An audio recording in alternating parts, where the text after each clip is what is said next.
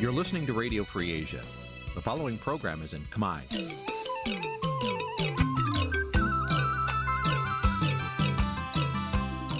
Nǐ chi càm bi tiệp xáy vệt chiu a zì sê ray នេះជាកម្មវិធីផ្សាយរបស់ Vithu Azisari ជាភាសាខ្មែរ វត្តឈូអាស៊ីសេរីសូមស្វាគមន៍លោកអ្នកនាងទាំងអស់ពីរដ្ឋធានី Washington នៃសហរដ្ឋអាមេរិក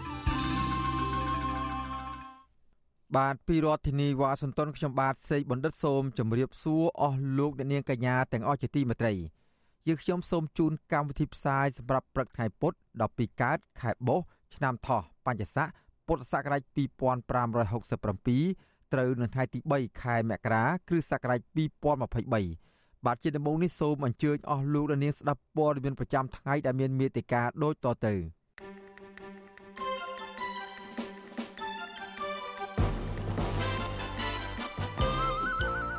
សមាគមបានហុករកឃើញថាចៅក្រម និងព្រះរាជអាជ្ញាប្រើសិទ្ធិហួសផ្លូវច្បាប់អំឡុងពេលសវនាការគោចបចំណាយលុយជាង21លានដុល្លារសាងសង់ទីស្នាក់ការលើដីដែលលោកហ៊ុនសែនរឹបអូសពីលោកគង្គគំ កម្មករមួយចំនួនប្រឈមនឹងបាត់បង់ការងារគណៈរដ្ឋាភិបាលសាទរចំពោះប្រាក់ឈ្នួលឡើង4ដុល្លារក្នុងឆ្នាំ2024ពលរដ្ឋជំរុញឲ្យសភាអាណត្តិថ្មី ដោះស្រាយបញ្ហាប្រឈមរបស់ប្រជាពលរដ្ឋរួមនឹងព័ត៌មានសំខាន់សំខាន់មួយចំនួនទៀតជាបន្តទៅទៀតនេះខ្ញុំបាទសេកបណ្ឌិតសូមជូនព័ត៌មានពិស្ដា បាទលោកអ្នកនាងកញ្ញាជាទីមេត្រីគណៈកម្មាធិការជ្រៀបចំការបោះឆ្នោតកោជបគ្រោងចំណាយលុយជាង21លានដុល្លារដើម្បីសាងសង់អគារទីស្តីការស្ថាប័ននេះថ្មី លើដីដែលលោកហ៊ុនសែនរឹបអូសទាំងបង្ខំពីលោកគង្គគំកន្លងទៅ។មន្ត្រីសង្គមស៊ីវិលនិងអ្នកខ្លាំមើលយល់ឃើញថាការដកហូតដីធ្លីផ្ទះសម្បែងរបស់ថ្នាក់ដឹកនាំគណៈបកប្រឆាំងជាបន្តបន្ទាប់កន្លងមកនោះគឺជារឿងនយោបាយ បាទលោកច័ន្ទដារ៉ូរាយការណ៍អំពីរឿងនេះគណៈកម្មាធិការជាតិរៀបចំការបោះឆ្នោត នៅព្រឹកថ្ងៃទី2ខែមករាបានរៀបចំពិធីបើកការដ្ឋានសាងសង់អាគារទីស្តីការថ្មីនៅលើដីកន្លះហិកតា នៅកណ្ដាលទីក្រុងភ្នំពេញ ដែលអតីតនាយករដ្ឋមន្ត្រីលោកហ៊ុនសែនរឹបអូសយកដីនោះទាំងបង្ខំពីមន្ត្រីជាន់ខ្ពស់គណៈបកភ្លើងទៀនលោកគង់គំការពីដើមឆ្នាំ2023អ្នកនាំពាក្យកើចប លោកហងពុធាប្រាប់វិទ្យុអាស៊ីសេរីថាកើចបបានចុះកិច្ចសន្យាជាមួយក្រុមហ៊ុនសាងសង់អាគារមានកម្ពស់9ជាន់ប្រើរយៈពេល22ខែដោយក្រុងចំណាយថវិកាជាង21លានដុល្លារអាមេរិកលោកឲ្យដឹងថាលុយសម្រាប់ដំណើរការសាងសង់នេះ បានមកពីការជួអគារកើចបបច្ចុប្បន្នឲ្យទៅក្រុមហ៊ុនបនលបៃ Nagavel នៅជាប់គ្នានោះ ដោយគិតចាប់ពីពេលកើចបបបដូរទៅទីតាំងថ្មី នៅពេលសាងសង់រួចប៉ុន្តែលោកមិនអាចបញ្ជាក់រយៈពេលជួលអគារឲ្យក្រុមហ៊ុនមួយនេះបានទេ លោកហងពុធាអះអាងថាកើចបមិនបារម្ភការរិះគន់ពីមតិនានាចំពោះការសាងសង់អគារនៅលើទីតាំងដីនេះនោះទេ ពីព្រោះកើចបទទួលបានដីនោះពីរដ្ឋាភិបាល ដើម្បីធ្វើជាកម្មសិទ្ធិយកទៅចាត់ចែងបន្តទៀត អគារកោចបថ្មីគឺជាមជ្ឈមណ្ឌលដែលអាចប្រមូលផ្ដុំបានយ៉ាងពេញលេញគ្រប់ភាគីពាក់ព័ន្ធទាំងគណៈបកនយោបាយដែលមាននិន្នាការខុសគ្នានិងមន្ត្រីជាបណ្ដាញកោចបនៅគ្រប់ខេត្តដែលអាចអញ្ជើញមកមានទីកន្លែងច្បាស់លាស់ហើយនឹងអាចអនុវត្តការងារជំនាញរបស់ខ្លួនបានគណៈកម្មាធិការជាតិរៀបចំការបោះឆ្នោត សពថ្ងៃកំពុងបំពេញការងាររបស់ខ្លួន នៅក្នុងអាគារទំនើបកម្ពស់14ជាន់ស្ថិតនៅតាមបណ្ដោយវិថីរដ្ឋសភា សង្កាត់ទន្លេបាសាក់ខណ្ឌចំការមឿនរាជធានីភ្នំពេញក្រោយផ្លាស់ចេញពីទីតាំងនៅក្នុងក្រសួងមហាផ្ទៃកាលពីឆ្នាំ2018អាគារនេះចំណាយលុយសាងសង់អស់ជិត12លានដុល្លារអាមេរិកហើយក្រុមហ៊ុន Nagavel សាងសង់អាគារនេះឲ្យកើជប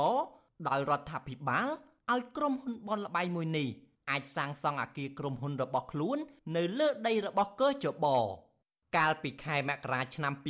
2023អតីតនាយករដ្ឋមន្ត្រីលោកហ៊ុនសែនបានរឹបអូសយកដីតម្លៃរាប់លានដុល្លារអាមេរិកពីពីអតីតឧត្តមទីប្រឹក្សាគណៈបកភ្លើងទៀនលោកកងគំប្រគល់ឲ្យគណៈកម្មាធិការជាតិរៀបចំការបោះឆ្នោតដើម្បីសាងសង់អគារទីស្តីការនៅពេលនេះ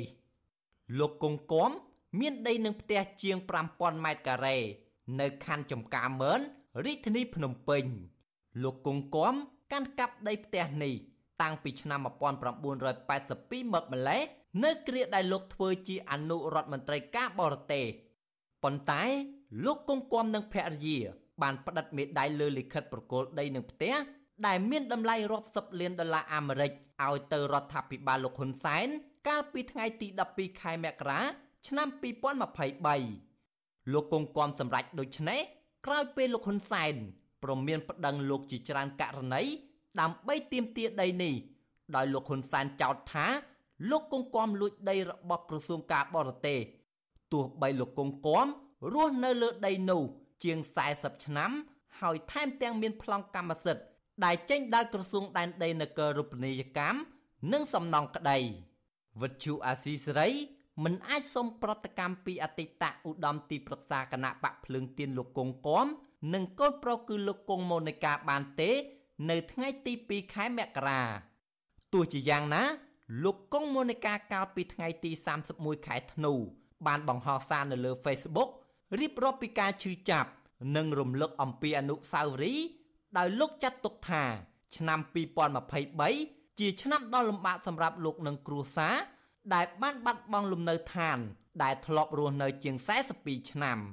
ម្យ៉ាងទៀតដីផ្ទះរបស់លោកគង់គំជាកន្លែងបង្កើតកម្លាំងអ្នកប្រជាធិបតេយ្យដំបូង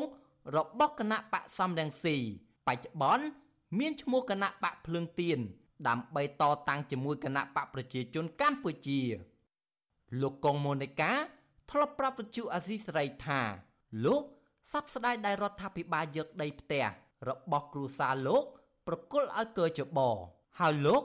យល់ថាអ្នកកាន់អំណាចមិនគួរយកបញ្ហានយោបាយមកដាក់គំនាបឬដាក់សម្ពាធលើអ្នកនយោបាយដែលមាននិន្នាការផ្ទុយនោះឡើយបញ្ហាបែបនេះមិនមែនកើតឡើងតែចំពោះក្រុមគ្រួសារខ្ញុំនោះទេគឺប្រជាពលរដ្ឋខ្មែរជាច្រើនផ្សេងទៀតក៏បានជួបប្រទះនៅបញ្ហាស្រដៀងគ្នានេះហើយដែលបញ្ហាទាំងអស់នេះបង្កទៅជាការឈឺចាប់ ដល់ប្រជាពលរដ្ឋខ្មែរហើយខ្ញុំចង់ឲ្យបងប្អូនប្រជាពលរដ្ឋខ្មែរប្រែក្លាយការឈឺចាប់នេះឲ្យទៅជាការតស៊ូដើម្បីលទ្ធិប្រជាធិបតេយ្យសេរីពិតប្រាកដមួយនៅកម្ពុជា តាមរយៈការបោះឆ្នោតដោយសេរីត្រឹមត្រូវនិងយុត្តិធម៌និងដោយសន្តិវិធីតេតិនរឿងនេះអ្នកខ្លមមើលបញ្ហានយោបាយលើកឡើងថាការដកហូតទ្រព្យសម្បត្តិទាំងនេះគឺជាការគំរាមកំហែងផ្នែកនយោបាយដើម្បីដាក់គំនាប លើដៃគូប្រកួតប្រជែងរបស់ខ្លួនគណៈមន្ត្រីគណៈបកកណ្ដាលអំណាចមួយចំនួនជាប់ពាក់ព័ន្ធនឹងការលួចយកដីរដ្ឋមកធ្វើជាកម្មសិទ្ធិរបស់ខ្លួនជាហោហែពួកគេថាលោកហ៊ុនសែនកំពុងបង្កើតសត្រូវកាន់តែច្រើន ហើយថ្ងៃណាមួយ លោកអស់អំណាច គ្រួសាររបស់លោកនឹងបាក់ពួកនឹងប្រឈមគ្រោះថ្នាក់បាត់បង់ដី បាត់បង់ផ្ទះវិញដែរអ្នកនាំពាក្យសមាគមការពារសិទ្ធិមនុស្សអាត់ហុក លោកសង្សានករណីសង្កេតឃើញថាករណីលោកគង់គំនិងមន្ត្រីគណៈបកប្រឆាំងផ្សេងទៀតដែលបានបាត់បង់ដីផ្ទះសម្បែងកន្លងមកដោយសារតែពួកគេបញ្ចេញមតិឬទស្សនៈនយោបាយលោកថាបញ្ហាចោតប្រកាន់តាមប្រព័ន្ធតុលាការឬយកទ្រព្យសម្បត្តិដាក់សម្ពាធនយោបាយត្រូវបានមតិជាតិនិងអន្តរជាតិមើលឃើញថា ជាមធ្យោបាយរបស់អ្នកកាន់អំណាចក្នុងការរដ្ឋបិទ ចំពោះអ្នកអនុវត្តសិទ្ធិសេរីភាពនៅក្នុងសង្គមប្រជាធិបតេយ្យដែលធ្វើឲ្យស្ថានភាពនយោបាយមកដល់ពេលនេះនៅតែយ៉ាប់យ៉ឺននៅឡើយ។ចឹងយើងចង់ឃើញការបើកនៅលំហនេះឡើងវិញដើម្បីឲ្យមានការ ប្រកួតប្រជែងមួយដោយមិនមានគូភាគីណាយកប្រៀបដោយប្រើប្រាស់នៅប្រព័ន្ធអនុវត្តច្បាប់ឬក៏ប្រើប្រាស់នៅមធ្យោបាយណាមួយដើម្បីធ្វើការគម្រាមកំហែងរដ្ឋបិទទៅលើសិទ្ធិសេរីភាពទាំងអស់ហ្នឹងគួរតែបើកឲ្យទលំទលាយព្រោះយើងដឹងហើយកន្លងមកគឺសហគមន៍អន្តរជាតិគេបានពិនិត្យឃើញអំពីបញ្ហាទាំងអស់ហ្នឹងគេតែងតែចេញនៅលក្ខខណ្ឌនឹងការស្នើវិទ្យុអាស៊ីសេរីមិនអាចតាក់ទងប្រធានអង្គភិបអ្នកនាំពាក្យរដ្ឋាភិបាលលោកប៉ែនបូណា ដើម្បីសាកសួរជុំវិញរឿងនេះបានទេនៅថ្ងៃទី22ខែមករា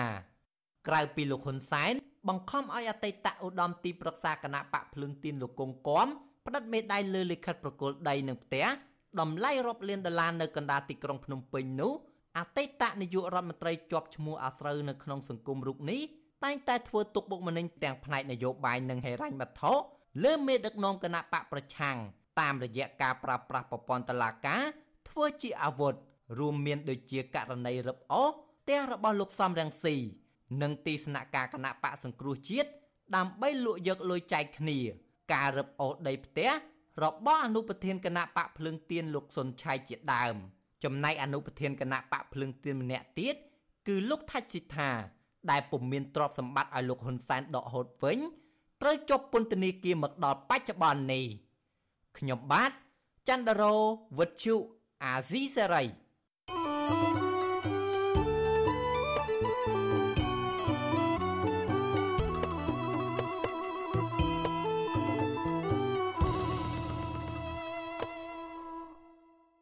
បាទលោកអ្នកនាងកញ្ញាជាទីមេត្រី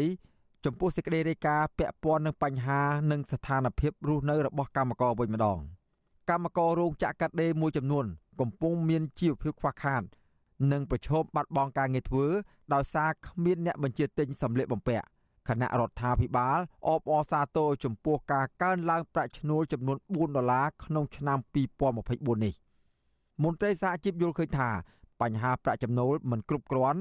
នឹងធ្វើឲ្យកម្មករធ្លាក់ក្នុងវិបត្តិសេដ្ឋកិច្ចកាន់តែធ្ងន់ធ្ងរបាទយើងប្រកូលនាទីនេះជូនដល់អ្នកស្រីម៉ៅសុធីនីរាយការណ៍អំពីរឿងនេះពីរដ្ឋធានីវ៉ាស៊ីនតោន ស្របពេលប្រាក់ឈ្នួលកម្មករឡើងបាន4ដុល្លារតែគ្មានអ្នកបញ្ជាទិញទំនិញពីរោងចក្រនិងការកេងប្រវ័ញ្ចកម្លាំងពលកម្មបានធ្វើឲ្យកម្មករមួយចំនួនធ្លាក់ក្នុងស្ថានភាពក្រីក្រនិងចំពាក់បំណុលធនាគារវ៉ាន់កកប្រធានសហជីពស្មារតីកម្មករនៃរោងចក្រសិនតៃ Garment Cambodia នៅខណ្ឌសែនសុខរាជធានីភ្នំពេញលោកកឹមសុផេនប្រាប់បច្ចុប្បន្នស៊ីស្រីនៅថ្ងៃទី2ខែមករា ថាលោកមិនសប្បាយចិត្តចំពោះការឡើងប្រាក់ខែគោល4ដុល្លារនេះទេដោយសារតែលុយ4ដុល្លារនេះគឺมันមានតុល្យភាពជាមួយការចំណាយប្រចាំថ្ងៃលោកបន្តថាទំនិញលើទីផ្សារឡើងថ្លៃស្ទើរគ្រប់មុខនិងថ្លៃចំណាយលើកូនទៅសាលារៀនផ្សេងផ្សេងទៀតដែលបញ្ហានេះធ្វើឲ្យលោកនិងកម្មករមួយចំនួននាំគ្នាខ្ចីលុយធនាគារដើម្បីដោះស្រាយជីវភាព។ ជាការស្នើសុំរបស់ខ្ញុំសូមឲ្យថ្នាក់ដឹកនាំគាត់យកចិត្តទុកដាក់នៅក្នុងវិស័យកាត់ដេរដោយសារបច្ចុប្បន្នឃើញថាវិស័យកាត់ដេរយើងវាមានការធ្លាក់ចុះការងារក៏អត់សូវមានអញ្ចឹងបើមានការងារកម្មករគាត់អាចថែមម៉ោងឬក៏គាត់ធ្វើការបន្ថែមម៉ោងបើរោងចក្រដែលមានបងសៀគាត់អាចបានលុយបងលុយអីខ្លះដើម្បីធ្វើទប់ទល់ក្រុមគ្រួសាររបស់គាត់តែដោយបច្ចុប្បន្នគឺពិបាកថាកម្មកម្មករពិបាកចំណូលនឹងការចូលចំណាយគាត់តិចចំណូលចូលពន្ធក៏តិចដែរក្រៅតែពីកម្មករទទួលបានប្រាក់ចំណូលទាប ក៏មានកម្មករមួយចំនួនទៀតប្រឈមការបាត់បង់ការងារដោយសារតែនៅតាមរោងចក្រកាត់បន្ថយកម្មករធ្វើការនិងព្យួរការងារពួកគាត់ជាបន្តបន្ទាប់ការកាត់បន្ថយកម្មករនៅតាមរោងចក្រធ្វើឲ្យកម្មករខ្លះធ្វើការស៊ីប្រាក់ឈ្នួលបានតែ50%ហើយខ្លះទៀតត្រូវផ្លាស់ប្ដូរវេនគ្នាធ្វើការពលគឺកម្មករម្នាក់ធ្វើការបានតែ2សប្តាហ៍ប៉ុណ្ណោះ ការបដូរវេនគ្នាធ្វើការនេះហើយធ្វើឲ្យកម្មករបាត់បង់អត្ថប្រយោជន៍ការកេងប្រវ័ញ្ចកម្លាំងពលកម្មនិងការបង់វិភាគទានទៅបេឡាជាតិសន្តិសុខសង្គមជាដើមអនុប្រធានសហជីពអំណាចយុវជនកម្ពុជាប្រចាំរោងចក្រ Starlight Apparel នៅស្រុកខ្សាច់កណ្ដាលខេត្តកណ្ដាលលោករស់សម្បូរថ្លែងថាលោកបារម្ភខ្លាចគ្មានការងារធ្វើពីព្រោះរោងចក្ររបស់លោកក្រុងបញ្ឈប់កម្មករចំនួន1000នាក់បន្ថែមទៀត។ លោកបន្តថាដោយសារតែខ្លាចថៃកែបញ្ឈប់កម្មករបន្ថែមទៀតនេះបានធ្វើឲ្យកម្មករមួយចំនួនខិតខំធ្វើការមិនហ៊ានសំបីតផឹកទឹក និងចូលបន្ទប់ទឹកដែលបង្កឲ្យប៉ះពាល់ដល់សុខភាពពាក់ព័ន្ធជាមួយហ្នឹងគឺពួកគាត់ដឹងដោយសារការកាត់បន្ថយកម្មករគឺ នីតិវិធីរបស់គេគឺគេផ្ដោតទៅលើគុណភាពការងារដល់ពេលលើតែកាត់បន្ថយអញ្ចឹងពួកគាត់ខំខ្លាចចំឈ្មោះគាត់អញ្ចឹងខ្លាចគាត់អន់ជាងគេទៅទៅបានគេវិធុអញ្ចឹងគឺថតបញ្ហាភាគច្រើនពួកគាត់ច្រើនតែលិកាពះលិកមងនោះគាត់អត់ទៅបានទៅទុកទឹកអត់ទៅបានទុកទឹកអីចឹងគាត់ឆ្លៃតែខំការងារគាត់ក្តីបារម្ភរបស់កម្មករទាំងនេះស្របពេលដែលក្រសួងការងារនិងលោកនាយករដ្ឋមន្ត្រីហ៊ុនម៉ាណែត បានបង្ហោះសារអបអរសាទរដល់កម្មករកម្មការិនីផ្នែកវិជ្ជាភ័ណ្ឌកាត់ដេរដែលទទួលបានប្រាក់ឈ្នួល204ដុល្លារចាប់ពីថ្ងៃទី1ខែមករាតទៅ ជាងនេះទៅទៀតក្រសួងការងារក៏បានបង្ហោះតួលេខនៃការដំឡើងប្រាក់ឈ្នួលកម្មករចាប់តាំងពីឆ្នាំ1997ដល់ឆ្នាំ2024ដែលចាប់ពីប្រាក់ឈ្នួល40ដុល្លារឡើងទៅដល់204ដុល្លារក្នុងមួយខែ ជុំវិញបញ្ហានេះប្រធានសហភាពការងារកម្ពុជាលោកអាត់ធុនមានប្រសាសន៍ថាប្រាក់ឈ្នួល204ដុល្លារនេះគឺមិនទាន់ឆ្លើយតបទៅនឹងតម្រូវការរបស់កម្មករនោះឡើយលោកសង្កេតឃើញថានៅពេលដែលមានការតម្លើងប្រាក់ឈ្នួលដល់កម្មករថៅកែរោងចក្រមួយចំនួនបានបន្ថែមការងារឲ្យពួកគាត់កាន់តែច្រើនដែលធ្វើពួកគាត់ប្រឈមនឹងសម្ពាធផ្លូវចិត្ត ទី2គឺធ្វើម៉េចតឡាការនឹងឯករាជ្យមិនមែនមានន័យថាអ្នកមានលុយឈ្នះទៅលើអ្នកអត់លុយឬក៏អ្នកមានអំណាចឈ្នះទៅលើអ្នកមានលុយមានន័យថារឿងខុសខុសត្រូវត្រូវហ្នឹងដែលអ្នកវិនិយោគជាច្រើនដែលគេចង់មករកស៊ីនៅប្រទេសណាដែលមានប្រព័ន្ធតឡាការហ្នឹងត្រឹមត្រូវព្រោះនៅពេលមានចំនួនពាណិជ្ជកម្មគឺគេបារម្ភខ្លាចក្រែងអន្តរាគមពីរដ្ឋឬពីអ្នកណាមួយទៅគឺធ្វើឲ្យគេហ្នឹងមិនអាចដកចិត្តធម៌បានជំរុញឲ្យអនុវត្តច្បាប់ជាពិសេសច្បាប់ការងារដែលល្អផុសផង់របស់យើងនេះឲ្យឲ្យបានឲ្យខាន់តែបានចំពោះនយោជកឬក៏ជនណាក៏ដោយដែលឆ្លៀតកេងចំណេញក្រុមកម្មករនិងមន្ត្រីសហជីពយកឃើញថាដើម្បីដោះស្រាយបញ្ហាប្រឈមដែលកំពុងកើតមានរដ្ឋាភិបាលគួរតែពិចារណាដំឡើងប្រាក់ឈ្នួលកម្មករយ៉ាងហោចណាស់ឲ្យបាន250ដុល្លារក្នុងមួយខែនិងស្ដារលទ្ធិប្រជាធិបតេយ្យឡើងវិញដើម្បីទទួលបានប្រព័ន្ធអនុគ្រោះពន្ធពីសហភាពអឺរ៉ុបនិងសហរដ្ឋអាមេរិកជាពិសេសអាចតេទៀងអ្នកវិនិយោគិនមកវិនិយោគនៅកម្ពុជាជាដើម។ ចានាងខ្ញុំម៉ៅសុធានីវិទ្យុអាស៊ីសេរីប្រធានាធិបតី Washington បាទលោកនាងកញ្ញាជាទីមេត្រី ក្រៅពីបញ្ហាប្រឈមរបស់កម្មកររោងចក្រពលរដ្ឋមួយចំនួនក៏កំពុងតែមានបញ្ហាប្រឈមធ្ងន់ធ្ងរជាពិសេសវិបត្តិខ្វះស្បៀងអាហារនិងពុំមានចំណូលសម្រាប់សងបំណុលធនាគារពលរដ្ឋទាំងនោះជំរុញឲ្យរដ្ឋសភាថ្មី ជួយដោះស្រាយបញ្ហាប្រឈមរបស់ប្រជាពលរដ្ឋទូទៅ ដោយកុំធ្វើដូចរដ្ឋសភាអាណត្តិទី6ដែលមិនអើពើចំពោះវិបត្តិនិងសុខទុក្ខរបស់ប្រជាពលរដ្ឋជុំវិញរឿងនេះមន្ត្រីជាន់ខ្ពស់រដ្ឋសភាថាការដោះស្រាយបញ្ហាកន្លងមក គឺធ្វើទៅតាមច្បាប់ ដោយមិនអាចដោះស្រាយភ្លាមភ្លាមទៅតាមការចង់បានរបស់អ្នកមានវិវាទនោះឡើយបាទលោកអ្នកនាងនៅបានស្ដាប់សេចក្តីរាយការណ៍ពឹស្ដារអំពីរឿងនេះនាពេលបន្តិចទៀត។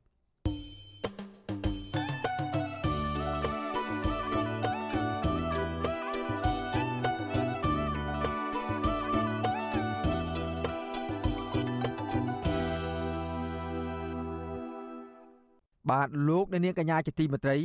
សមាគមការពារសិទ្ធិមនុស្សអាត6រកឃើញថាចៅក្រមនិងព្រះរាជអាជ្ញាប្រើប្រាស់សិទ្ធិហួសពីគោលការណ៍ច្បាប់ ក្នុងអំឡុងពេលសវនាការដែលធ្វើឲ្យពលរដ្ឋរងភាពអយុត្តិធម៌មន្ត្រីអង្គការសង្គមស៊ីវិលស្នើឲ្យក្រសួងយុត្តិធម៌ដាក់ពិន័យទៅចៅក្រមនិងព្រះរាជអាជ្ញាដែលអនុវត្តខុសច្បាប់សមាគមការពារសិទ្ធិមនុស្សអាត6ចេញផ្សាយរបាយការណ៍នៅថ្ងៃទី2ខែមករា ដោយរកឃើញថាចៅក្រមនិងព្រះរាជអាជ្ញាប្រើសិទ្ធិផ្ទុយពីគោលការណ៍ច្បាប់ក្រោយពីបានចូលរួមឃ្លាំមើលសវនាការជិត200ករណីនៅតាមសាលាដំបងរាជធានីនិងខេត្តចំនួន20ចាប់ពីខែមករាឆ្នាំ2022ដល់ខែកក្កដាឆ្នាំ2023របាយការណ៍រកឃើញថាតុលាការបានរារាំងមិនអោយសាធារណជន ចូលឬបណ្ដឹងចេញពីបន្ទប់សវនាការមានជាង80% រារាំងមិនអោយអ្នកសារព័ត៌មានចូលឬបណ្ដេញចេញពីបន្ទប់សវនាការជិត70%និងតុលាការលើកពេលប្រកាសសាលក្រមចំនួន97%របាយការណ៍បញ្ជាក់ថាចៅក្រមជំនុំជម្រះបានប្រាប់ឲ្យជន់ជាប់ចោតសុំទោសមានជិត50%ព្រះរាជអាជ្ញាស្រែកសម្លុតនៅពេលជន់ជាប់ចោតមិនឆ្លើយមានចំនួន4%និងចៅក្រម ឬតំណាងអាយកាសម្ដែងអកប្បកិរិយាសម្លុតគម្រាមជន់ជាប់ចោតចំនួន10%របាយការណ៍ដដាលឲ្យដឹងទៀតថាតុលាការបានបន្ថែមបទល្មើសថ្មី នៅពេលប្រកាសសាលក្រមមានចំនួនជិត80%ហើយនៅក្នុងសវនាការក៏មិនបានពន្យល់លម្អិតអំពីសិទ្ធិមានមេធាវីឬក៏សិទ្ធិការពារខ្លួន សិទ្ធិមិនឆ្លើយសិទ្ធិមិនបង្ខំឲ្យសារភាពកំហុស សិទ្ធិការសន្មត់ទុកជាមុនថាគ្មានទោសដែលកើតឡើង ប្រមាណ50%ក្នុងសវនាការក្នុងចំណោម175ករណីមាន142ករណីជន់ជាប់ចោតត្រូវតុលាការសម្រេចឃុំខ្លួនបណ្ដោះអាសន្នហើយបើគិតដល់ថ្ងៃបើកសវនាការជំនុំជម្រះមានជនជាប់ចោត80ករណីត្រូវបានតុលាការឃុំខ្លួនបណ្ដោះអាសន្នលើសពី6ខែរហូតដល់2ឆ្នាំ ចំណែកករណីភ ieck ច្រើននៃវិវាទដីធ្លីរវាងសហគមន៍ជាមួយនឹងអ្នកមានលុយមានអំណាច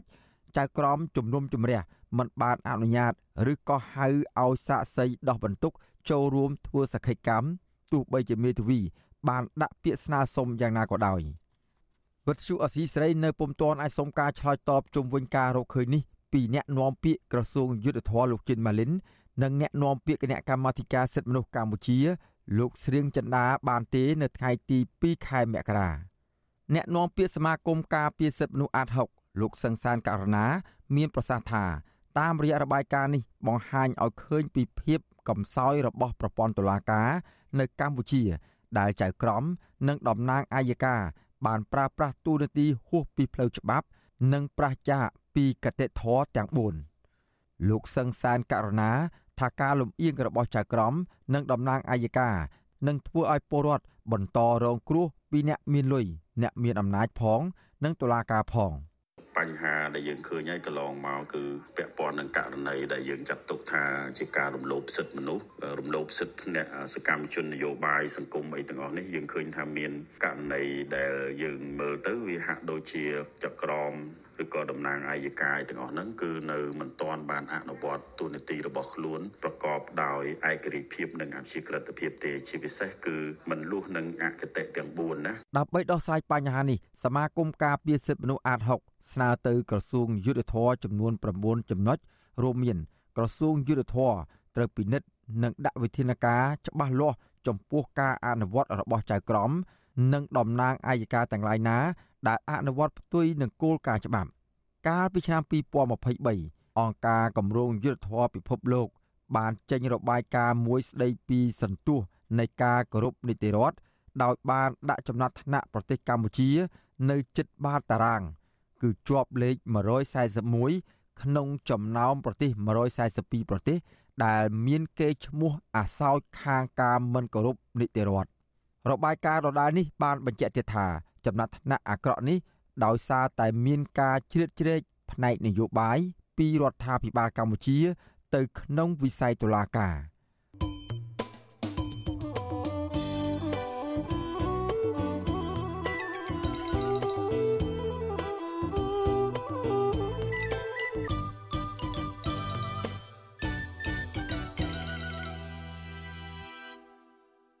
បាទលោកអ្នកនាងកញ្ញាជាទីមេត្រី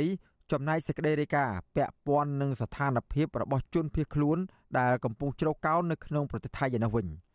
អាញាធរថៃបន្តឃុំខ្លួនជនភៀសខ្លួនខ្មែរចំនួន7នាក់នៅមន្ទីរឃុំឃាំងរបស់ប៉ូលីសអន្តោប្រវេសន៍នៅទីក្រុងបាងកកពួកគេត្រូវបានអាញាធរថៃចាប់ខ្លួនក្នុងពេលចូលរួមសិក្សាអំពីច្បាប់និងកិច្ចព្រមព្រៀងសន្តិភាពទីក្រុងប៉ារីសជាមួយលោកស៊ុនស្រុនកាលពីសប្តាហ៍កន្លងទៅមន្ត្រីសង្គមស៊ីវិលលើកឡើងថា ជនភៀសខ្លួនទាំងនោះគ្មានសវត្ថភាពទេប្រសិនបើអាជ្ញាធរថៃ បញ្ជូនពួកគេត្រឡប់មកកម្ពុជាវិញ បាទលោកយ៉ងច័ន្ទរារាយការណ៍អំពីរឿងនេះពីរដ្ឋធានីវ៉ាស៊ីនតោនព្រះសង្ឃខ្មែរគង់នៅវត្តនៅក្នុងទីក្រុងបាងកកព្រះដេចប្រគុណវ័នសម្បានមានធរៈដីកានៅថ្ងៃទី2មករាថាជនភៀសខ្លួនម្នាក់នៅក្នុងចំណោម7នាក់នោះបានទូរស័ព្ទមកប្រាប់ព្រះអង្គ ថាពួកគេត្រូវបានអាជ្ញាធរថៃបន្តឃុំខ្លួននៅក្នុងមន្ទីរឃុំឃាំងរបស់ប៉ូលីសអន្តោប្រវេសន៍ស៊ុនភ្លូនិងមានសុខភាពល្អជាធម្មតាក៏ប៉ុន្តែខ្វះខាតប្រាក់ដើម្បីទិញម្ហូបអាហារហូបចុកប្រចាំថ្ងៃព្រះអង្គមានធរៈដីកាបន្តថាតំណាងរាជគណៈបកក្រៅរដ្ឋាភិបាលរបស់ថៃមួយនិងមេធាវីអង្គការការពារសិទ្ធិជនភៀសខ្លួននៅប្រទេសថៃបានអន្តរាគមន៍ទៅប៉ូលីសថៃមិនឲ្យបញ្ជូនពួកគេត្រឡប់ទៅកម្ពុជាវិញនោះទេ ខលមកគាត់ប្រាប់អាត្មាឬក្រុមការងារយើងយើង UN នេះបានធ្វើរឿងនេះដល់ចំណុចណាហើយអញ្ចឹងណាព្រោះតែចង់ដឹងពីថាយើងបានធ្វើអីខ្លះហើយដែលពាក់ទៅនឹងរឿងពួកគាត់មកក៏បានឆ្លើយប្រាប់គាត់ថាឥឡូវនេះយើងបានទៅជួបជាមួយប៉ូលីសជាមួយអីហើយក៏ UN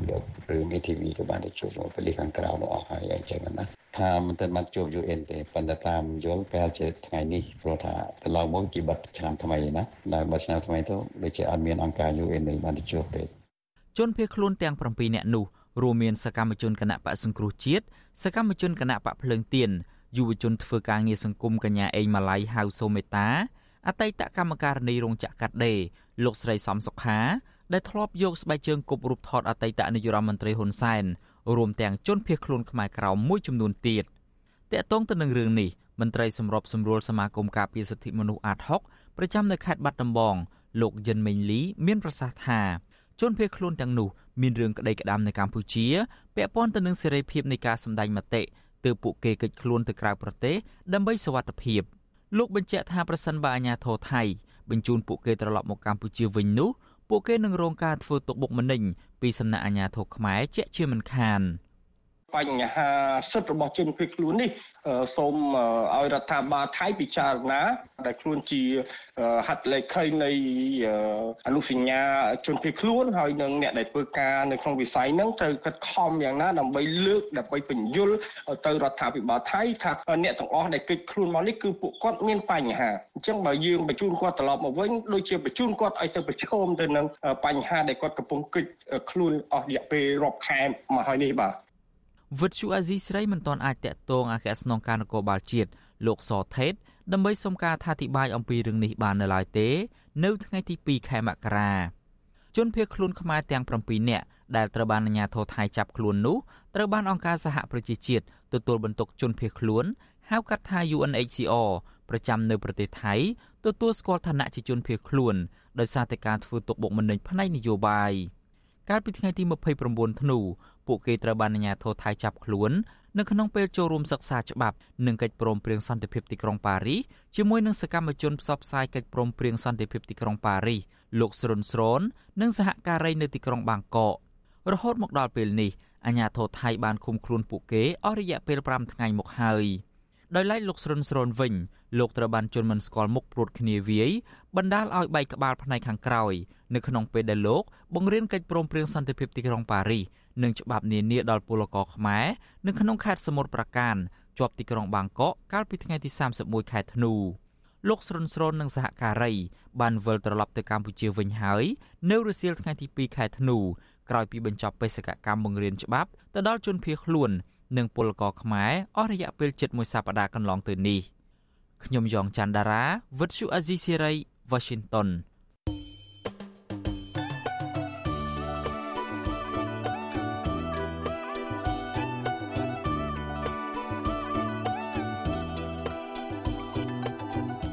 បាទលោកអ្នកនាងកញ្ញាកំពុងតាមដានស្ដាប់ការផ្សាយរបស់វិទ្យុអាស៊ីសេរីពីរដ្ឋធានីវ៉ាស៊ីនតោនសហរដ្ឋអាមេរិក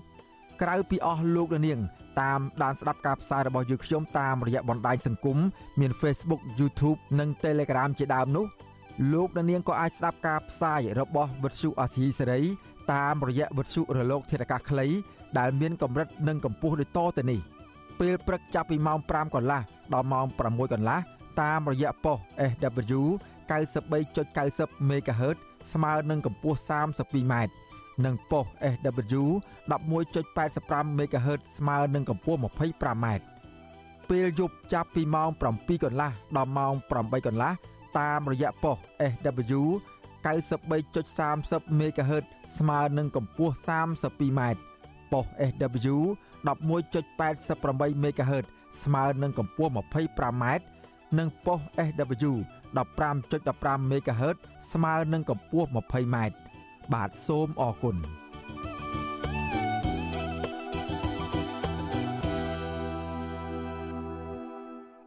បាទលោកនាងកញ្ញាជាទីមេត្រីចំពោះសេចក្តីរាយការណ៍ពាក់ព័ន្ធនឹងស្ថានភាពរបស់ប្រជាកសិករនៅឯខេត្តបាត់ដំបងឯនោះវិញកសិកររស់នៅខេត្តបាត់ដំបងនិងខេត្តមួយចំនួនទៀតកំពុងពិបាកចិត្តក្នុងការស្វែងរកប្រាក់ចំណូលចិញ្ចឹមជីវិត និងដោះបំណុលធនាគារស្របពេលដែលតម្លៃជ្រូកនិងសត្វគោបន្តធ្លាក់ថ្លៃខ្លាំងកសិករខ្លះប្រមានបោះបង់ចោលមុខរបរចិញ្ចឹមសត្វនិងខ្លះទៀតបានថ្លែងសារបង្ហោះតាមបណ្ដាញសង្គម Facebook ដោយរិះគន់ក្រសួងកសិកម្មថាក្រសួងដោះស្រាយបញ្ហាជូនប្រជាកសិករមិនចំគោលដៅដែលពួកគាត់ចង់បាន បាទយើងប្រកូលនេតិនេះជូនដល់អ្នកស្រីសុជីវីរាយការណ៍អំពីព័ត៌មាននេះ ក្រុមកសិកររស់នៅខេត្តបាត់ដំបងនិងខេត្តកណ្ដាលកំពុងប្រឈមបញ្ហាធ្លាក់ចុះប្រាក់ចំណូលហើយអាចឈានដល់ការធ្វើចំណាក់ស្រុកដោយសារតែមុខរបរចិញ្ចឹមសត្វលក្ខណៈគ្រួសាររបស់ពួកគាត់ជួបវិបត្តិពួកគាត់ថាសត្វដែលពួកគាត់ចិញ្ចឹមពិបាកលក់ចេញឬតម្លៃលក់ចេញចុះថោកខ្លាំងជាង2ឆ្នាំមកហើយពួកគាត់មិនពេញចិត្តចំពោះទង្វើរបស់រដ្ឋាភិបាលដែលបន្តអនុញ្ញាតឲ្យនាំចូលសាច់ជ្រូកសាច់បង្កកនិងសាច់គោច្រើនពីប្រទេសជិតខាង ធ្វើឲ្យតម្លៃសាច់សត្វចិញ្ចឹមនៅក្នុងស្រុកធ្លាក់ថ្លៃខ្លាំងកសិកររស់នៅខេត្តបាត់ដំបងលោកព្រិញឡាំហងប្រាប់វិទ្យុអាស៊ីសេរីកាលពីថ្ងៃទី2ខែមករាថាបច្ចុប្បន្នសាច់ជ្រូកមានតម្លៃចន្លោះពីជាង6000រៀលដល់8000រៀលនៅក្នុង1គីឡូក្រាមដែលធៀបនឹងឆ្នាំ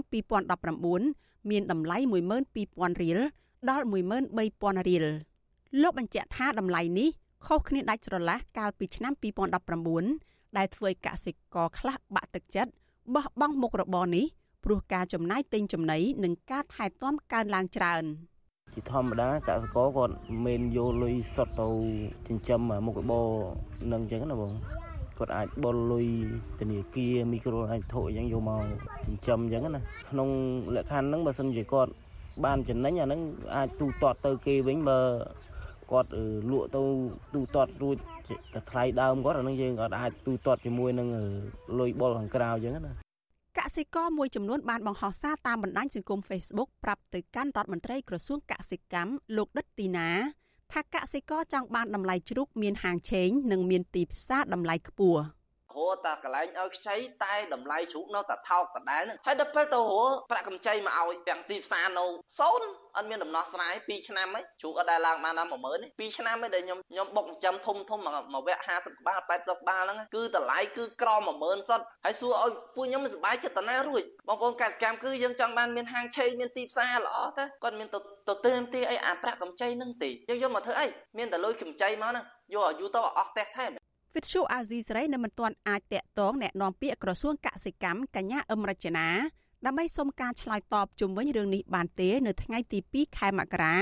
ដោយទូរស័ព្ទចូលតែគ្មានអ្នកទទួលរីឯរដ្ឋមន្ត្រីក្រសួងកសិកម្មលោកដិតទីណាក៏មិនទាន់អាចសុំការបំភ្លឺបានដែរនៅថ្ងៃដដែលនេះកសិកររនៅខេត្តកណ្ដាលលោកម៉ៅឆេន សង្កេតឃើញថា ការហូរចូលសាច់បង្កកនិងជ្រូករស់ពីប្រទេសជិតខាង នៅតែកើតមានច្រើនធ្វើឲ្យតម្លៃជ្រូកនៅក្នុងស្រុកធ្លាក់ថ្លៃប៉ះពាល់មុខរបរកសិករខ្មែរលោកថារដ្ឋាភិបាលខ្វះការយកចិត្តទុកដាក់ដោះស្រាយបញ្ហានេះជាច្រើនឆ្នាំមកហើយធ្វើឲ្យកសិករជួបការលំបាកផ្នែកជីវភាពប្រជាកសិករគឺគាត់ពឹងទៅលើទីផ្សារពឹងផ្អែកទៅលើទីផ្សារទាំងក្នុងស្រុកទាំងក្រៅស្រុកតែផ្ទុយទៅវិញគឺបែរជាញាក់នាំ សាច់បកកសាច់ពីអណៈពីក្រៅស្រុកនោះវាច្រើនពេកហើយជលឹះលុបធ្វើឲ្យការផលិតនៅក្នុងស្រុកនោះមានការធ្លាក់ចុះធ្លាក់តម្លៃទីផ្សារថែមទៀតបាទជុំវិញរឿងនេះប្រធានមជ្ឈមណ្ឌលប្រជាពលរដ្ឋដើម្បីអភិវឌ្ឍនិងសន្តិភាពលោកយងកំឯងយល់ឃើញថារដ្ឋាភិបាលគួរតែផ្អាកការនាំចូលសាច់ជ្រូកសាច់បង្កកនិងសាច់គោពីក្រៅប្រទេសដើម្បីឲ្យតម្លៃសាច់ចិញ្ចឹមនៅក្នុងស្រុកកើនឡើង ដែលជាផ្នែកមួយទប់ស្កាត់ការធ្វើចំណាក់ស្រុករបស់ពលរដ្ឋខ្មែរ។ ហេតុអីបានជាសាច់ជ្រូកនៅក្នុងស្រុកនៅតែថោកបាទនេះជារឿងមួយសំខាន់ទី1ប្រហែលជាគេអាចមិនអាចបែងចែកបានច្បាស់លាស់ថាតើជ្រូកណាជាជ្រូកនំចូលជ្រូកណាជាជ្រូកគេចិញ្ចឹមនៅក្នុងស្រុកណាបាទអញ្ចឹងនេះជាបញ្ហាដែរអញ្ចឹងតើឡាគាត់ព្យាយាមការផ្សព្វផ្សាយឲ្យបានទូលំទូលាយដែរបាទសមាគមអ្នកចិញ្ចឹមសត្វកម្ពុជាឲ្យដឹងថាកម្ពុជាត្រូវការសាច់ជ្រូកចំនួន10000ក្បាលស្មើនឹង1000តោនក្នុងមួយថ្ងៃដើម្បីផ្គត់ផ្គង់ទីផ្សារនៅក្នុងស្រុក ក៏ប៉ុន្តែដោយសារតែពេលបច្ចុប្បន្នមានការលួចលាក់នាំចូលសាច់បង្កកពីក្រៅប្រទេសធ្វើឲ្យកសិករចិញ្ចឹមជ្រូកនៅក្នុងស្រុកពី80ទៅ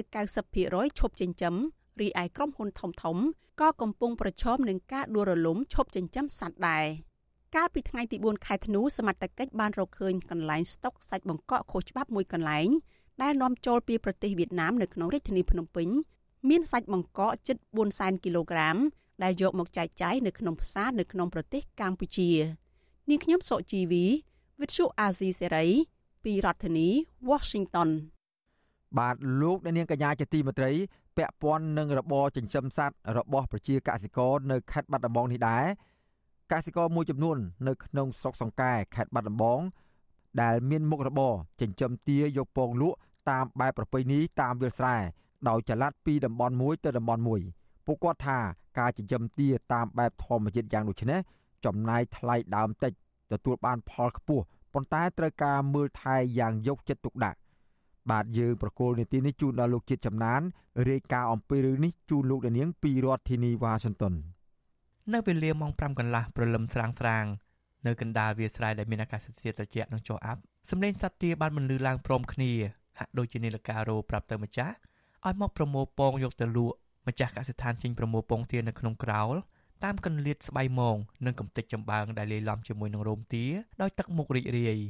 ក្រោយពីប្រមូលពងទាតម្រៀបទុកក្នុងបន្ទះរួចហើយកសិករបានបាចចំណីបំពន់ប្រមាណ40គីឡូក្រាមមុននឹងបើកក្រោលនៅពេលឲ្យស៊ីចំណីតម្រន់រួចព្រះអាទិត្យក៏ចាប់ផ្ដើមរះបន្តិចកសិករបើកក្រោលហើយវងទាដែលឈរចាំប្រងព្រាតហាក់ដូចជាក្បួនទ័ពដែរនោះបានរត់ទៅវាស្រែដោយខ្លួនឯងដោយមិនចាំបាច់មានអ្នកគៀងឬចាប់ឡើយ កសិករចិញ្ចឹមទានៅឃុំរាំងកេសីក្នុងស្រុកសង្កែលោកហ៊ុនសំនៀងប្រាប់វិសុអសីស្រីថាលោកចិញ្ចឹមទាយកពងជាង3000ក្បាលដោយប្រឡែងឲ្យដើរស៊ីសត្វល្អិតនិងខ្យងតាមចិញ្ច្រាំងដែលច្រូតរួចលោកបន្តថាមួយថ្ងៃលោកអាចប្រមូលពងទាបានជាង3000គ្រាប់ប៉ុន្តែចំនួននេះមានការធ្លាក់ចុះប្រសិនបើទីតាំងគ្មានចំណីគ្រប់គ្រាន់ឲ្យទាស៊ីដែលតម្រូវឲ្យលោកត្រូវដាក់ចំណីបំពន់មួយថ្ងៃពីរក្រុមបន្ថែមទៀតលោកប្រាប់ថាអ្វីបិទពងទាក្នុងស្រុក ដែលកសិករចិញ្ចឹមបាននៅមានបរិមាណតិចមិនអាចនាំចេញទៅក្រៅប្រទេសពិតមែនប៉ុន្តែពេលខ្លះតម្លៃពងទាធ្លាក់ចុះធ្វើឲ្យលោកខាត់ដើមផងដែរយើងចាំពូជវាមានពូជមេនេះមេយើងតាមវាលចេះបើយើងដាក់ទ្រុងវាពិបាកបាក់ច្រើនណាយើងរត់ចំណីក៏វាមិនសូវល្អចំណីករងរបស់យើងហ្នឹងចំណីពងហ្នឹងបានវាលចេះបានល្អវាស៊ីតាមខ្យងស្រូវដែលគេសុចច្រូតទៅវាជ្រុះរីរងរីរងហ្នឹងតាមចលងម៉ាស៊ីនច្រូតហ្នឹងបើសបោខ្យងរត់ទៅល្អកសិករចិញ្ចឹមទា ដាក់ឲ្យវារកចំណីស៊ីនៅក្នុងស្រែដែលអាចកាត់បន្ថយការចំណាយលើចំណីកែច្នៃបានប្រហែល80%និងជួយឲ្យទាពងបានច្រើនក៏ប៉ុន្តែការចិញ្ចឹមរបៀបនេះកសិករត្រូវផ្លាស់ទីយ៉ាងហោចណាស់មួយខែម្ដងទៅរកកន្លែងថ្មីដែលមានក្តាមខ្យងដោយកសិករត្រូវធ្វើខ្ទមឬរោងសម្រាប់ស្នាក់នៅទោះជាយ៉ាងណាម្ចាស់ស្រែភ ieck ច្រើនហាក់មិនកំណាញ់ក្នុងការផ្ដោតទីតាំងលែងទីឲ្យដើររកចំណីក្រោយពេលទៅនឹងច្រូតកាត់នោះទេដោយពួកគេយល់ថាពេលស៊ីចំណីសត្វទានិងជុះលាមក ធ្វើឲ្យដីស្រែពួកគាត់កាន់តែមានជីជាតិកសិករចិញ្ចឹមទាម្នាក់ទៀតគឺលោកធីសុផាន់ឲ្យដឹងថាលោកចិញ្ចឹមទាជាង3000ក្បាលហើយពូជទាទាំងនោះគឺលោកទិញពីកសិដ្ឋានដែលមានតម្លៃ3000រៀលក្នុងមួយក្បាលនិងត្រូវចិញ្ចឹមជាង3ខែទើបទាអាចចាប់ផ្ដើមមានពងលោកបន្តថាភាគច្រើនកសិករដែលចិញ្ចឹមទានៅតាមវាលស្រែមិនទាន់មានជំនាញភ្ញាស់កូនទាដោយខ្លួនឯងឡើយតែកត្តានេះធ្វើឲ្យពួកគាត់ត្រូវចំណាយដើមទុនច្រើននៅពេលដែលទាចាស់ឈប់ពងនិងដាក់ទាថ្មីជំនួស អត់ទេបងអត់ប្រហែលជាអត់ទៅក្រៅប្រទេសព្រោះអីពងទាខ្មែរយើងនៅតែតំបន់25ខេត្តក្រុងយើងហ្នឹងចាយចាយប៉ុណ្្នឹងអស់ហើយពងទាយើងតិចដែរមិនច្រើនផងបាទមានតែនាំពីក្រៅមកចូលមកវិញទាដែលកសិករនិយមចិញ្ចឹមដើម្បីយកពងនិងសាច់លក់គឺពូជទាសំពៅដែលមានពណ៌សម្បកអំពៅដងខ្លួនពណ៌ប្រផេះពោះពណ៌សចំពោះពណ៌ប្រផេះជើងពណ៌លឿងនិងទាអង្កាមដែលមានពណ៌ប្រផេះនិងពណ៌លឿងទុំករាងខ្លីដងខ្លួនសំប៉ែត មានទម្ងន់ចាប់ពី2ទៅ3គីឡូក្រាមពូជទាទាំងពីរនេះចិញ្ចឹមឆាប់ទទួលបានផល មិនរើសចំណីធន់នឹងអាកាសធាតុមានពងច្រើនហើយជាធម្មតាទាដែលមានអាយុ3ខែនឹងចាប់ផ្ដើមពងរហូតដល់អាយុជាង2ឆ្នាំកសិករបញ្ជាក់ថាពួកគេ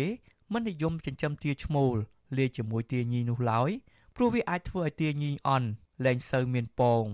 មន្ត្រីជំនាញនៃមន្ទីរកសិកម្មខេត្តបាត់ដំបងលោកចាប់ទុធាលើកឡើងថាបច្ចុប្បន្នមន្ទីរកសិកម្មខេត្ត មិនទាន់មានកម្មវិធីបណ្ដុះបណ្ដាលជំនាញភ្ញាស់កូនទាដល់កសិករនោះទេលោកស្នើឲ្យកសិករចិញ្ចឹមទាចងក្រងគ្នាជាសហគមន៍ដើម្បីស្នើទៅមន្ទីរកសិកម្មឲ្យបង្កើតវគ្គបណ្ដុះបណ្ដាលលើជំនាញចិញ្ចឹមសត្វបន្ថែមយើងសប្តាហ៍ថ្ងៃនេះគឺយើងរៀនតែញាស់តែកូនមន់តែទេអត់អត់បង្រៀនបោះបោតច្បាស់លាស់ទេយើងស្នើទៅមន្ទីរកសិកម្មគឺបានចងក្រងជាបណ្ដុំឬក៏ចងក្រងជាសហគមន៍អញ្ចឹងយើងនឹងមកធ្វើការបដិបដាល បច្ចុប្បន្នកសិករអាចលក់ពងទាឲ្យឈ្មួញក្នុងតម្លៃចន្លោះពី250ទៅ300រៀលក្នុងមួយគ្រាប់ខណៈពងទាលក់នៅទីផ្សារ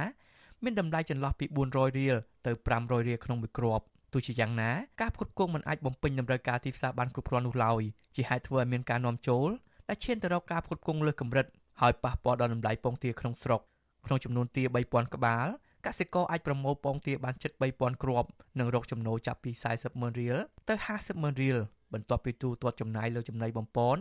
និងការចំណាយលើកម្លាំងពលកម្មរួចមន្ត្រីសម្របសម្រួលសមាគមអាត់ហុកប្រចាំខេត្តបាត់ដំបងលោកយិនមេងលីសង្កេតឃើញថារបរចិញ្ចឹមទាចល័តនៅតាមតំបន់វាលស្រែមានសក្តានុពលល្អសម្រាប់បង្កើនប្រាក់ចំណូលដល់ប្រជាពលរដ្ឋនិងការផ្គត់ផ្គង់សម្រាប់ទីផ្សារលោកជំរុញឲ្យអាជ្ញាធរជំនាញពាក់ព័ន្ធបង្កើតវគ្គបណ្ដុះបណ្ដាលដល់កសិករពីរបៀបភ្ញាស់កូនទា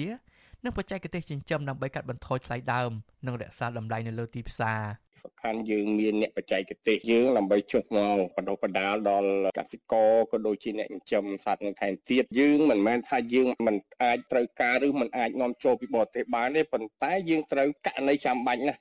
កសិករស្នើឲ្យអាជ្ញាធរជាពិសេសក្រសួងកសិកម្មជំរុញបណ្ដុះបណ្ដាលពួកគាត់លើបច្ចេកទេសចិញ្ចឹមសត្វនិងទីផ្សារ ដើម្បីរួមចំណែកឲ្យពលរដ្ឋមានមុខរបរនិងរកចំណូលផ្គត់ផ្គង់ជីវភាពបានខ្ញុំបាទចិត្តចំណាន Visual ស៊ីស្រីប្រធានាទី Washington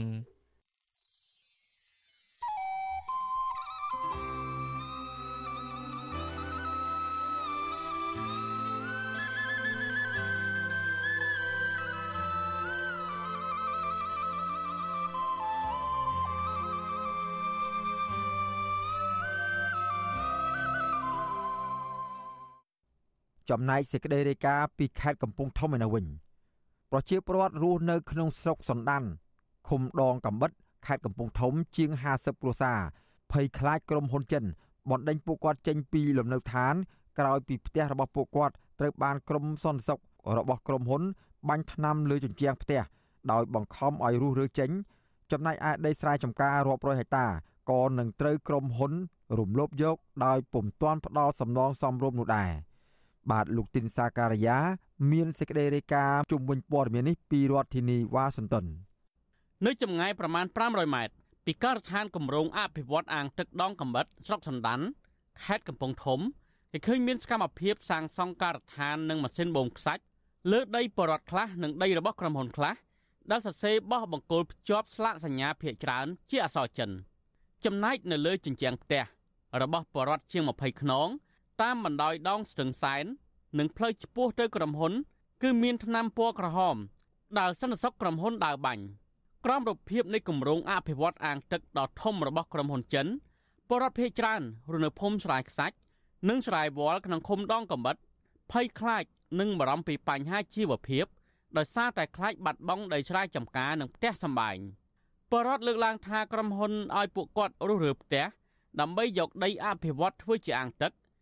តែជាក់ស្ដែងក្រុមហ៊ុនកំពុងតែធ្វើអាជីវកម្មរាយខ្សាច់បរដ្ឋនៅភូមិស្រែខ្សាច់ឃុំដងកំបិតកញ្ញាវ៉ាញ់មាន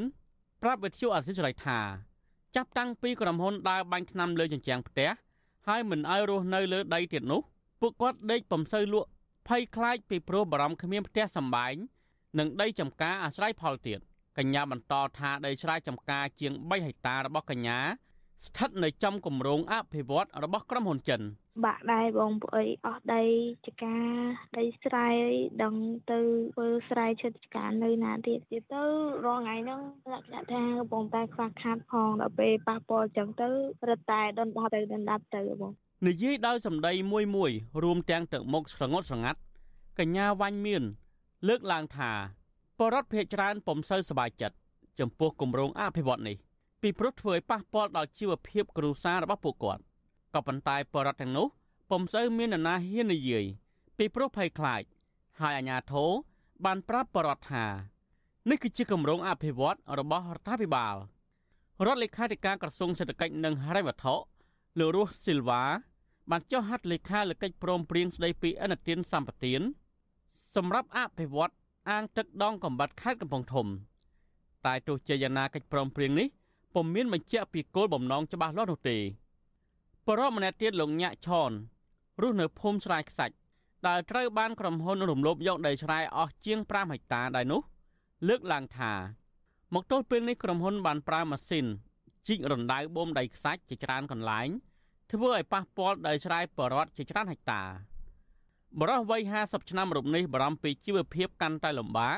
ពីព្រោះគ្មានដីស្រែអាស្រ័យផល ហើយលោកអះអាងថា ករណីនេះអាញាធរពាក់ព័ន្ធបណ្ដឹងឮពីផលប៉ះពាល់ប៉ុន្តែអាញាធរហាក់មិនអើពើចុះពិនិត្យហើយរកដំណោះស្រាយជូនពួកគាត់នោះឡើយលោកថាបើសិនជាគម្រោងនេះធ្វើឡើង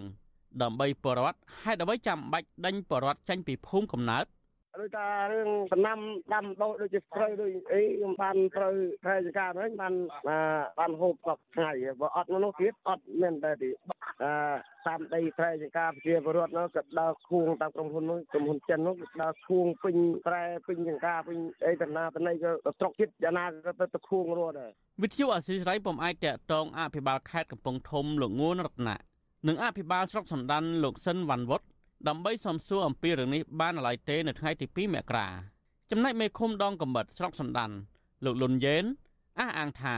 ក្រុមហ៊ុនចិនកំពុងតែស្ដារស្ទឹងដើម្បីផ្ទុកទឹកស្អាតសម្រាប់ឲ្យបរិវត្តប្រើប្រាស់នៅរដូវប្រាំង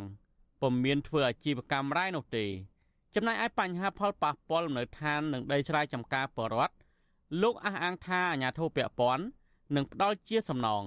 ប៉ុន្តែពុំដឹងថាសំណងនោះមានប៉ុន្មាននោះទេផល ប៉ះពាល់អីអីហ្នឹងគឺមានគោលការណ៍គេមានសំដងប៉ុន្តែ មានក្រុមពោះវែងផលប៉ះពាល់មួយបែកមួយបែកទៀតគឺមានបក្រុមទៀតដល់វាតម្លៃវាតម្លៃថានៅតំបន់នេះទីផ្សាររបស់យើងដូចជាដីធ្លីដូចជាអីទៅតម្លៃយ៉ាងម៉េចយ៉ាងម៉េចអានោះគេសិក្សាទៀតនៅបើវាមិនទាន់ចេះថាមិនដឹងថាម៉េចអត់អត់ទាន់ចេះថាទេបាទប៉ុន្តែមានគោលការណ៍សំណងអានោះទោះជាយ៉ាងណាក៏ដោយកាលពីដើមឆ្នាំ2023កន្លងទៅអាជ្ញាធរធ្លាប់លើកឡើងថាគម្រោងអភិវឌ្ឍអាងទឹកដងកំបិតនេះ ធ្វើឡើងដោយមានគណៈកម្មការវិតម្លៃពីផលប៉ះពាល់បរិស្ថាននិងបរិវត្តបានត្រឹមត្រូវដោយពុំមានបញ្ហាអ្វីនោះទេ ចំណែកឯបរិវត្តវិញលើកឡើងថាការវិតម្លៃរបស់គណៈកម្មការទាំងនោះធ្វើឡើងដោយគ្មានដំណាភាពតែទៅនៅរឿងនេះអ្នកសម្រាប់សម្រួលគម្រោងធុរកិច្ចនិងសិទ្ធិមនុស្សរបស់មជ្ឈមណ្ឌលសិទ្ធិមនុស្សកម្ពុជាលោកវ៉ាន់សុផាត មានប្រសាសន៍ថា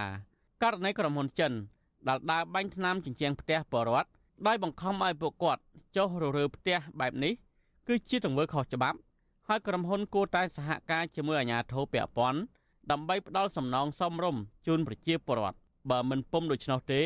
ពលរដ្ឋកាន់តែមានជីវភាពលំបាកក្រុមហ៊ុនហ្នឹងគឺធ្វើខុសច្បាប់អញ្ចឹងប្រជាពលរដ្ឋគាត់អាចមានសិទ្ធិក្នុងការការពារលំនៅឋានរបស់គាត់ណាបាទប៉ុន្តែបើសិនជាការចុះទៅដោយមានអាជ្ញាធរចូលរួមណាបាទក្នុងការណែបាញ់ថ្នាំលើជាងផ្ទះឲ្យគាត់ឲ្យពួកគាត់រើសរើអញ្ចឹងអាហ្នឹងវាលុះត្រាតែមានការប្រឹក្សាយោបល់ពីពួកគាត់មួយនឹងជាពលរដ្ឋនិងអាជ្ញាធរពាក់ព័ន្ធពលរដ្ឋស្នើឲ្យអាជ្ញាធរពាក់ព័ន្ធដោះស្រាយបញ្ហាទាំងនេះឲ្យកាន់តែឆាប់ពួកគាត់លើកឡើងថាការស្នើនេះ ស្របទៅនឹងមាត្រា39នៃរដ្ឋធម្មនុញ្ញដែលចែងថាសេចក្តីស្នើទាំងឡាយណារបស់ពលរដ្ឋត្រូវបានទទួលការពិនិត្យនិងដោះស្រាយយ៉ាងម៉ត់ចត់ពីអាជ្ញាធររដ្ឋពួកគាត់ថាបើសិនជាអាជ្ញាធរពាក់ព័ន្ធមិនដោះស្រាយបញ្ហានេះឲ្យបានឆាប់ទេនោះពួកគាត់នឹងនាំគ្នាតវ៉ាបាត់ផ្លូវនៅមុខក្រុមហ៊ុន ជាទ្រង់ទ្រាយធំនៅពេលខាងមុខខ្ញុំបាទទីនសាការីយ៉ាអាស៊ីសេរីប្រធានាធិបតីវ៉ាស៊ីនតោន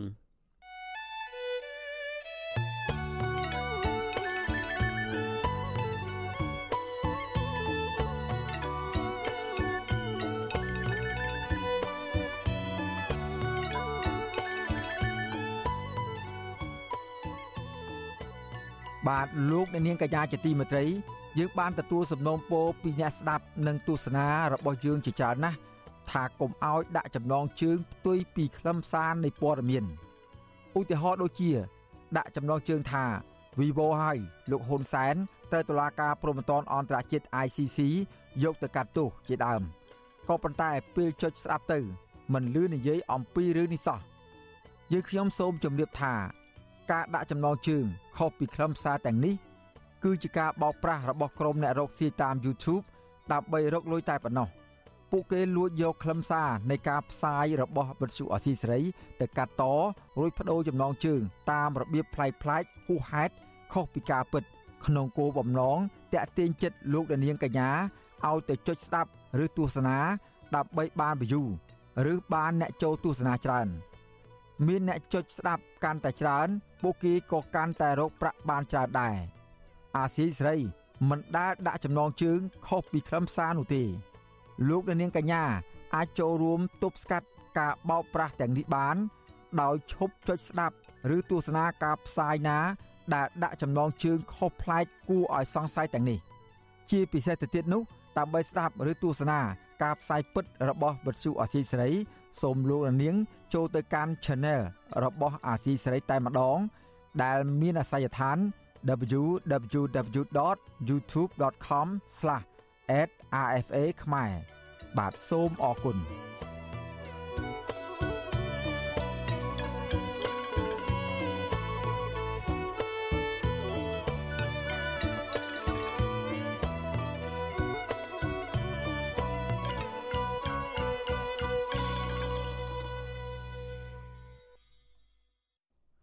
បាទលោកនាងកញ្ញាជាទីមេត្រីពាក់ព័ន្ធនឹងបញ្ហាប្រឈមធ្ងន់ធ្ងររបស់ប្រជាពលរដ្ឋនៅក្រៅរដ្ឋាភិបាលអាណត្តិថ្មីនេះវិញប្រជាពលរដ្ឋជំរុញឲ្យរដ្ឋសភាអាណត្តិថ្មី ជួយដោះស្រាយបញ្ហារបស់ប្រជាពលរដ្ឋទូទៅដោយកុំធ្វើដោយរដ្ឋសភាអាណត្តិចាស់គឺអាណត្តិទី6ដែលមិនអើពើចំពោះបញ្ហាប្រឈមនិងទុកកង្វល់របស់ប្រជាពលរដ្ឋជុំវិញរឿងនេះមន្ត្រីជាន់ខ្ពស់រដ្ឋសភាថាការដោះស្រាយបញ្ហាកន្លងទៅ គឺធ្វើទៅតាមច្បាប់ ដោយមិនអាចដោះស្រាយភ្លាមភ្លាមទៅតាមការចង់បាន របស់អ្នកមានវិវាទនោះឡើយបាទយើងប្រកូលនាទីនេះជូនដល់កញ្ញាខាន់លក្ខណារាយការណ៍ពិស្ដារអំពីរឿងនេះជូនលោកនាងដូចតទៅប្រជាពលរដ្ឋជំរុញឲ្យសភាអាណត្តិថ្មីបំពេញទូនាទីឲ្យបានត្រឹមត្រូវសមជាស្ថាប័នកម្ពុជារបស់ជាតិក្នុងការធ្វើអន្តរាគមជួយប្រជាពលរដ្ឋដែលជាម្ចាស់ឆ្នោត និងជាតំណាងរបស់ខ្លួន ពលរដ្ឋរស់នៅខេត្តកំពង់ស្ពឺដែលកំពុងមានចំនួនដីធ្លីជាមួយអ្នកអញ្ញាលីយ៉ុងផាត់ជាង10ឆ្នាំមកហើយនោះគឺអ្នកស្រីខនខនលើកឡើងថាសមាជិកសភាបានតែសន្យាតែគ្មានបានផលអ្វីទាំងអស់ទោះបីពលរដ្ឋរងគ្រោះដីធ្លីខំដាក់ញត្តិនិងរាយការណ៍ស្វែងរកអន្តរាគមទៅកាន់រដ្ឋសភាជាច្រើនដងក៏ដោយលោកស្រីសំណុំពរឲ្យសមាជិកសភាចុះទៅពិនិត្យដោយផ្ទាល់ឲ្យឃើញច្បាស់ថា ពួកគាត់បានបាត់បង់ដីធ្លី ដោយសារតែមានអ្នកធំអ្នកមានអំណាចនាំគ្នាទៅរំលោភយកដីធ្លីរបស់ពួកគាត់ពិតមែននិយាយហើយនិយាយទៀតថាអូយរដ្ឋសភាដែលឡើងថ្មីកាន់ថ្មីនេះឲ្យចុះមើលប្រជាពលរដ្ឋតើជួបទុកលំបាកយ៉ាងណាវេទនាយ៉ាងណាសប្ថ្ងៃនេះអត់មានច្រកណាចេញទេណាគ្រូមិនដឹងយ៉ាងម៉េចទេអាខ្លះគិតពិបាកខ្លាំងពេកណាចបៈបណុលគេកូន អារឿងមិនបានរៀនសូនតែវាហូបមិនគ្រប់គ្រាន់ទៅទៀតអត់ខ្លាំងឡើងអត់ខ្លាំងឡើងសូមអោយសនុំពរឲ្យដោះស្រាយដីឲ្យពួកខ្ញុំមកនឹងអាចបានបង្កបង្កើនផលចិញ្ចឹមជីវិតបានតទៅមុខទៀតពលរដ្ឋរស់នៅតំបន់បឹងតមោក្នុងសង្កាត់សំរោងខណ្ឌព្រែកភ្នៅរាជធានីភ្នំពេញដែលកំពុងរងការគំរាមកំហែងពីអាជ្ញាធរឲ្យផ្លាស់ប្ដូរទៅកាន់ទីតាំងផ្សេងលោកស្រីសៀកដាវីលើកឡើងថា ពួកគាត់ធ្លាប់ទៅរកកិច្ចអន្តរាគមន៍ពីរដ្ឋសភាដើម្បីឲ្យជួយដោះស្រាយចំនួនដីធ្លីនៅតំបន់បឹងតមោកដែលអាជ្ញាធរបានបំពេញលើពួកគាត់ប៉ុន្តែខាងរដ្ឋសភារុញឲ្យទៅរកសាលារដ្ឋាភិបាលភ្នំពេញរីឯសាលារដ្ឋាភិបាលភ្នំពេញរុញឲ្យទៅសាលាខណ្ឌទីបំផុតបានត្រឹមតែរុញដាក់គ្នាទៅវិញទៅមកហើយរដ្ឋសភាក៏នៅស្ងាត់ឈឹងរហូតដល់សប្តាហ៍ថ្ងៃ ថាបើនាយករដ្ឋមន្ត្រីលើកដៃអាហ្នឹងគឺបងឆាប់បានទទួលដំណោះស្រាយខាងរដ្ឋសភាក៏ដោយក្រសួងណាក៏ដោយគឺដល់ពេលយើងទៅដាក់លិខិតសំណើសុំហ្នឹងគាត់ចេញលិខិតមកគាត់ដាក់ឲ្យទៅខាងសាលារដ្ឋាភិបាលទាំងអស់ហ្នឹងដូចទៅដូចដែរដែរបញ្ហាគឺត្រង់រដ្ឋាភិបាលគាត់ដោះមាត្រា2នៃច្បាប់ស្តីពីលក្ខន្តិកៈតំណាងរាស្ត្រចែងថាតំណាងរាស្ត្រដែលត្រូវបានជ្រើសតាំងដោយការបោះឆ្នោតជាសកលក្រោយពីបានប្រកាសសុពលភាពនិងស្បត់ចូលកាន់តំណែងរួចហើយ គឺជាតំណាងប្រជាជាតិខ្មែរទាំងមូលពុំមែនគ្រាន់តែជាតំណាងរបស់ប្រជាពលរដ្ឋនៅក្នុងមណ្ឌលរបស់ខ្លួននោះទេអនុប្រធានសហជីព Nagawal កញ្ញាឈឹមសុខនប្រាប់វិសុអាស៊ីសេរីថាសភាអាណត្តិចាស់គឺសភាអាណត្តិទី6ខ្សោយគ្មានឆន្ទៈជួយដោះស្រាយវិវាទការងារហើយខ្លាចអតិពលអ្នកនៅពីក្រោយខ្នងនៃបញ្ហា សភាអាណត្តិចាស់ហ្នឹងគាត់បានបំពេញតួនាទីសម្រាប់ពលរដ្ឋទេព្រោះអីពួកបង មានវិវាទនៅជាប់លបងរដ្ឋសភានឹងតំងហ្នឹងវិវាទឡើង2ឆ្នាំហើយយើងមិនត្រឹមតែថាមានវិវាទទេយើងថែមទាំងមានដាក់លិខិតស្នើឲ្យសភាអន្តរាគមជួយពួកយើងតែជាក់ស្ដែងវាអត់មានក៏ហៅសួរនាំឬក៏ដោះស្រាយអាលិខិតរបស់យើងនឹងនិយាយទៅអត់អត់ដែលមានសួរនាំយើងហ្មង ប័ណ្ណបញ្ជាផ្ទៃក្នុងនៃរដ្ឋសភាប្រកាស34ថ្មីចែងថាគណៈកម្មការទាំងឡាយរបស់រដ្ឋសភាអាចអញ្ជើញរដ្ឋមន្ត្រីណាមួយមកបំភ្លឺពីបញ្ហាអ្វីមួយ ដែលពាក់ព័ន្ធនឹងវិស័យទទួលខុសត្រូវរបស់ខ្លួនអនុប្រធានគណៈបកភ្លើងទៀននិងជាអតីតសមាជិកសភាជាច្រើនអាណត្តិលោកសុនឆៃលើកឡើងថា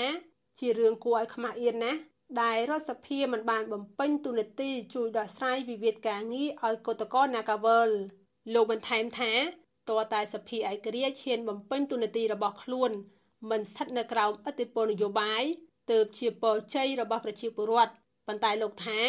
សមាជិកសភាអាណត្តិមុនមិនបានបំពេញការងារដោយទទួលខុសត្រូវនោះទេ គឺបញ្ហាដីធ្លី គ្រឿងញៀនបំណុលពលរដ្ឋកំណើនអត់ការងារធ្វើជីវភាពដុនដាបរបស់ប្រជាពលរដ្ឋនិងអសន្តិសុខសង្គមជាដើមមិនឃើញសមាជិកសភាមានសេចក្តីក្លាហាន ចេញមុខជំរុញឲ្យរដ្ឋាភិបាលដោះស្រាយឡើយយើងហាក់ដូចជាមិនបានដឹងឮអំពីសកម្មភាពផ្សេងណាដែលជាការងារដែលអ្នកតំណាងរាស្ត្រហ៊ានតស៊ូមតិក្នុងនាមជាស្ថាប័ននីតិបញ្ញត្តិជំរុញឲ្យរាជរដ្ឋាភិបាលធ្វើការងារឲ្យបានត្រឹមត្រូវស្របតាមច្បាប់និងការពារដល់ពលរដ្ឋនោះនៅឡើយទេបាទជំវិញការទទូចរបស់ពលរដ្ឋនេះ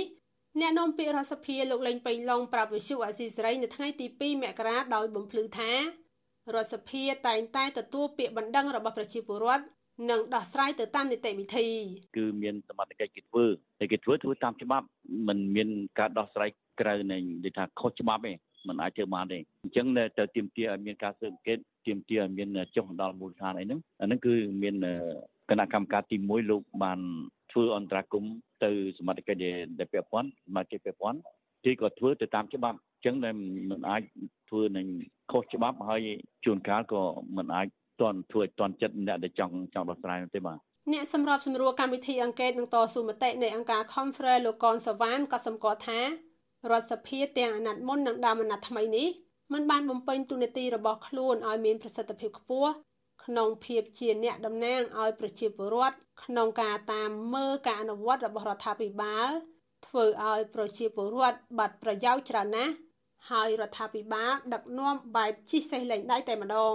ការផ្លាស់ប្ដូរអីធំដុំវាមិនអាចទេលើកលែងតែគណៈបកដែលមានសំណាក់ច្រើននៅក្នុងសភានឹងគាត់បដូរអេយ៉ាបតមកការទៅជែកគាត់យល់ឃើញថាការទទួលការទៅជែកនឹងវាមានប្រសិទ្ធភាពទើបបង្គាត់អាច ផ្លាស់ប្ដូរគំនិតគាត់ទើបអាចមានការស្អីស្អីមានការផ្លាស់ប្ដូរបានមាត្រា139នៃច្បាប់បោះឆ្នោតចែងថាសមាជិកសភាត្រូវបាត់បង់សមាជិកភាពរបស់ខ្លួនករណីសមីខ្លួនបាត់បង់សមាជិកភាពពីគណៈបកនយោបាយរបស់ខ្លួន គឺមេត្រានេះហើយដែលអ្នកឃ្លាំមើលយល់ថា ធ្វើឲ្យអ្នកតំណាងរាស្ត្រស្ថិតនៅក្រោមឥទ្ធិពលរបស់គណៈបកនយោបាយទាំងស្រុងហើយមិនអាចបំពេញតួនាទីរបស់ខ្លួន ឲ្យស្របតាមស្មារតីរដ្ឋធម្មនុញ្ញដែលចែងថា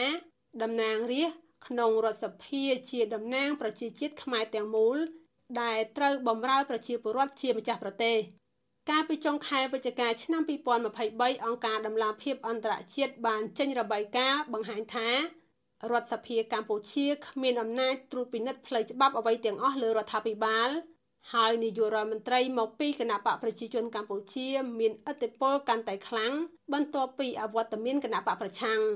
ខ្ញុំខណ្ឌលក្ខណាវັດសុអសីសេរី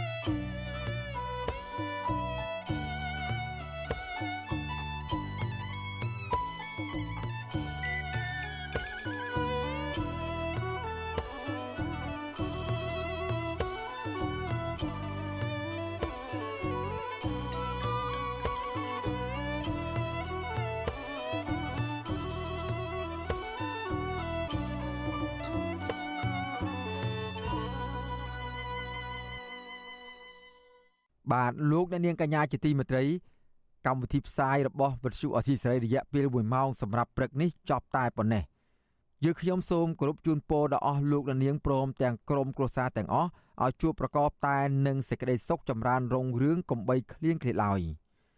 ខ្ញុំបាទសេកបណ្ឌិតព្រមទាំងក្រុមការងារទាំងអស់របស់វិទ្យុអសីសេរីសូមអរគុណនិងសូមជម្រាបលា